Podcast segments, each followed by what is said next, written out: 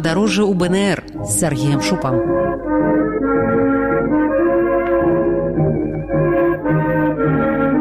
Дзяржаўнае будаўніцтва на пачатку два стагоддзя было немагчымае без друкарскай машынкі.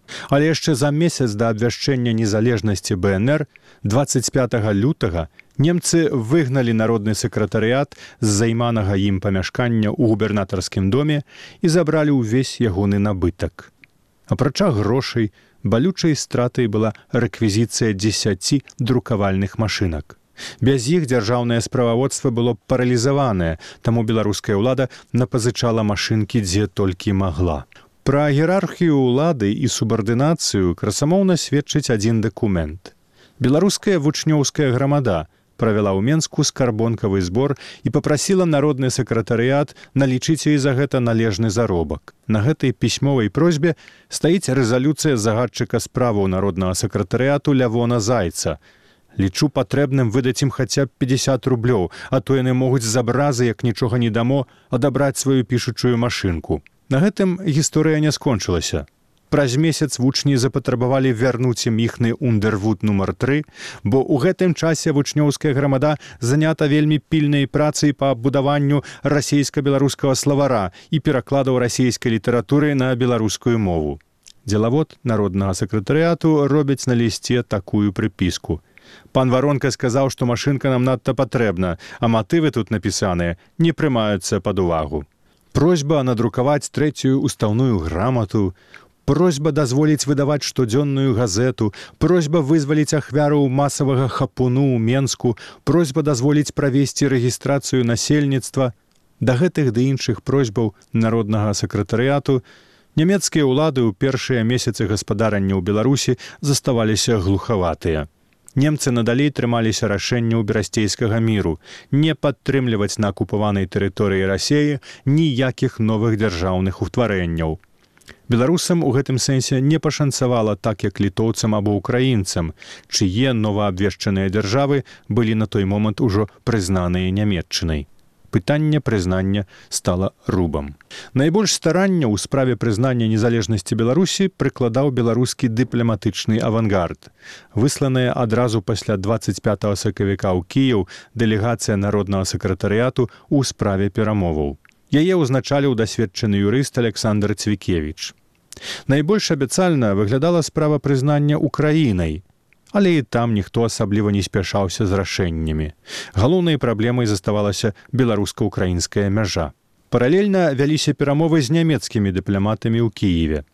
Ім 25 красавіка быў пададзены мемарыял, аўтары якога хадайнічалі аб прызнанні Беларусі і яе ўлады, прасілі падтрымкі ў адваяванні ўсходняй Беларусі ад бальшавікоў, а таксама выказвалі настойлівае жаданне захаваць Беларусь у яе натуральных межах асаблівы ўпор рабіўся на вільню бо цытую гэты горад цяпер гэта разумовы цэнтр беларусі які найбольш жыва ўсведамляе ідэю беларускай дзяржаўнай самастойнасці вось у такім кантэксце узнікла тэлеграма рады бнр нямецкаму кайзеру вільгельму. Это быў першы сур'ёзны вынік паправення рады пасля далучэння да яе скірмунта і яго паплечнікаў.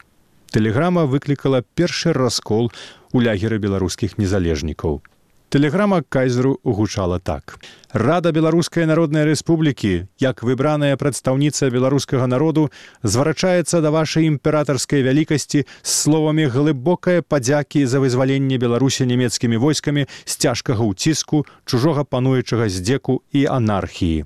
Рада беларускай народнай рэспублікі дэкляравала незалежнасць цэлая і непадзельная беларусі і просіць вашу імператарскую вялікасць аб абароне ў яе кіраваннях дзеля ўмацавання дзяржаўнай незалежнасці і не непадзельнасці краю ў сувязі з германскай імперыяй.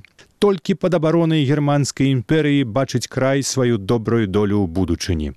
Падпісалі прэзідэнт рады Іван Серада, прэзідэнт сакратарыяту Язэп Варонка, сябры рады Раман Скірмунд, Антон Аўсянік, Паўлюк Аляксюк, Пётра Крачэўскі, Язэп Лёсік. Тэкст тэлеграмы быў прыняты 31 голасам супраць чатырох. Пра закуліссе тэлеграмы расказвае Язэп варонка ў лісці Антону Луцкевічу. Справа гэтая нарабіла тутака многа шуму. Голас грамадзянства раздзяліўся на дзве часткі. Адны хваляць, другія называюць нас здрайцамі нямецкімі падданымі. Што зрабіць? Чы ж усім дагадзіць? Чы разумеюць яны нашу боль, нашыя мэты? Чакаю вас, не дачакаўся да тэлеграмы. Без вас я многа чаго не знаю як рабіць. Адзін я тут замарыўся. Але ўсё ж такі з кірмунту алексіку і гадлеўскаму не веру.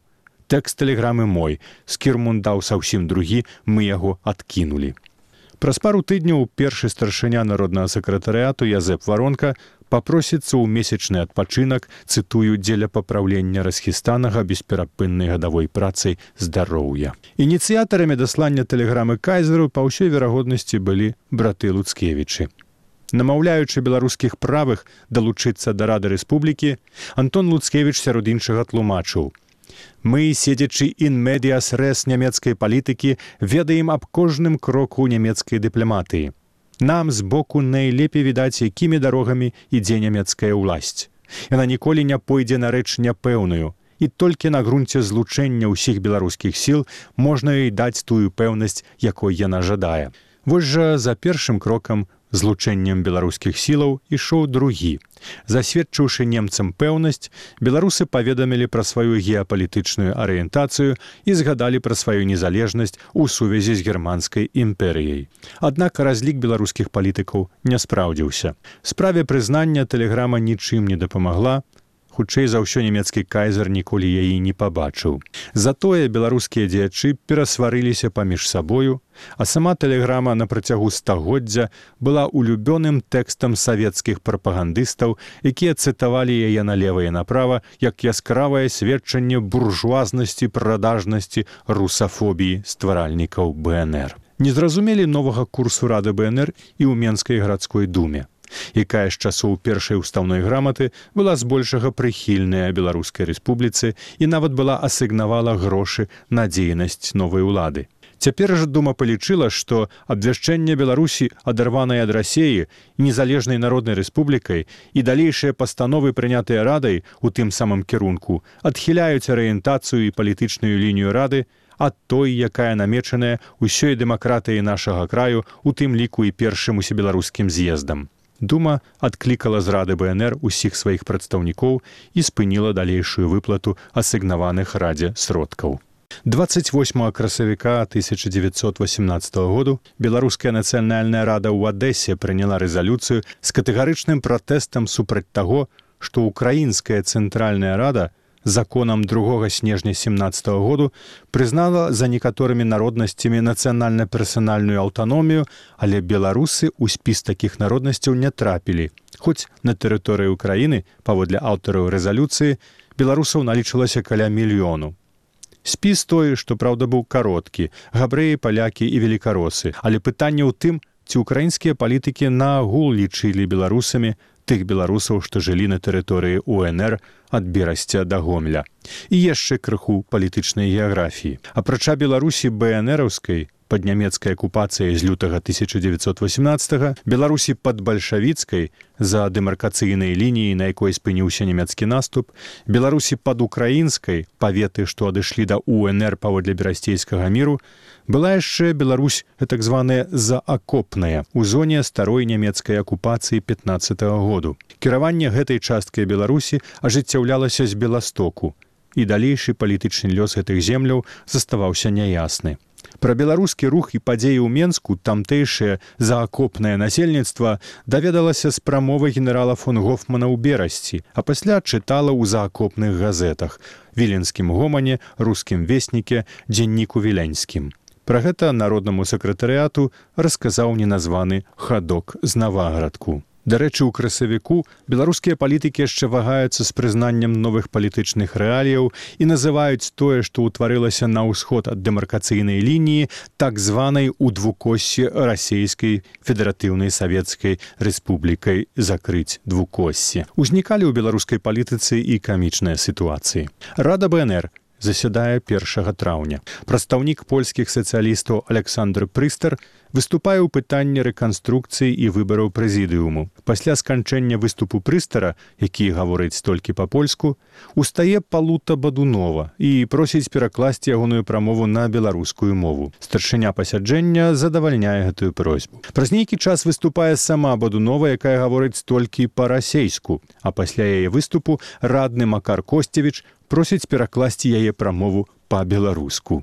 Заля выбухае нястрымным рогатам. Фракцыя беларускіх эсэраў, пяць чалавек улучнаса злапалучнай аратаршы, як пісалі газеты, узнімаюць шум і пратэст. Тэлеграма нямецкаму кайзеру паспрыяла развіццю беларускага палітычнага плюралізму. Наскрозь левая ад сваіх пачаткаў БНР пачала набываць іншыя колеры і выразна паправела, а левы фланг пакрыўдзіўся і абурыўся. Тамаш грыб народны сакратар земляробства як удзельнік вялікай расійскай рэвалюцыі назваў учынак паплечнікаў здрадай ідэі рэвалюцыйнага сацыялізму. Не пад апекай буржуазіі не пад абцасам нямецкага жаўнера я бачу лепшую будучыню нашай зруйнаванай і знішчанай старонкі і забітага абкрадзенага люду піша ён у заяве аб выхадзе з народнага сакратарыяту. Скандал вакол тэлеграмы кайзеру прывёў да расколу найстарэйшай беларускай палітычнай палітычнай партыі беларускай сацыялістычнай грамады створаны яшчэ ў 1902 годзе. На руінах грамады за лета 1918 сфармаваліся тры новыя партыі.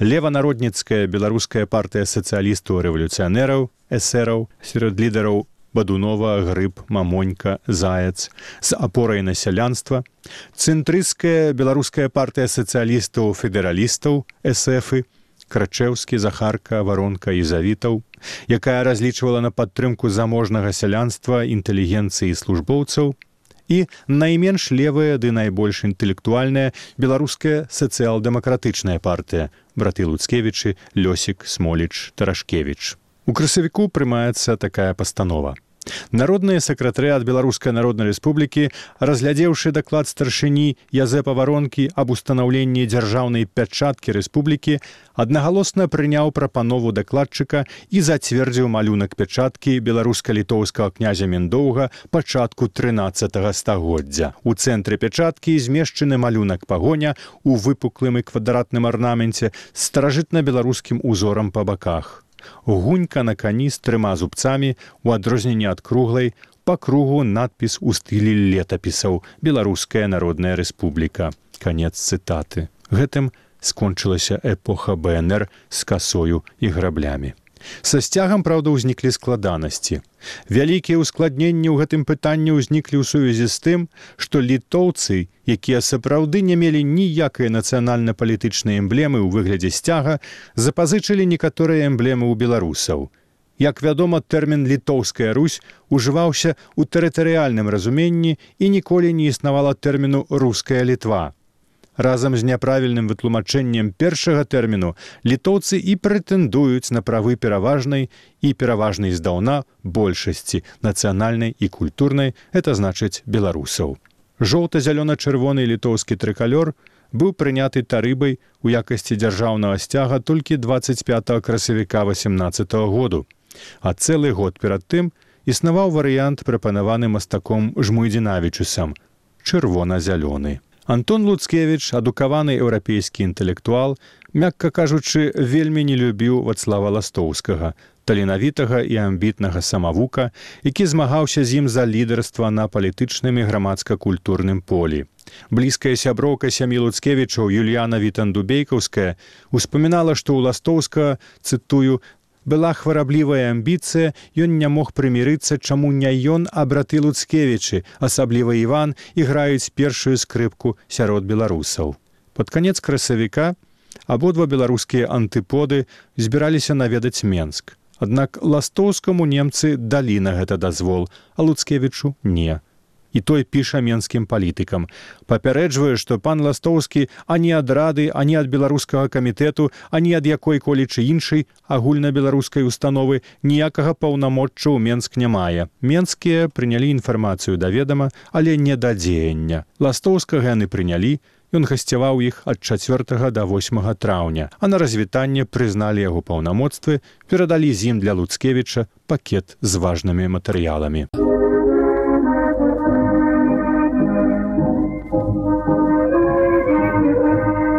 Падарожжа ў БНР з Сергеем Шупам.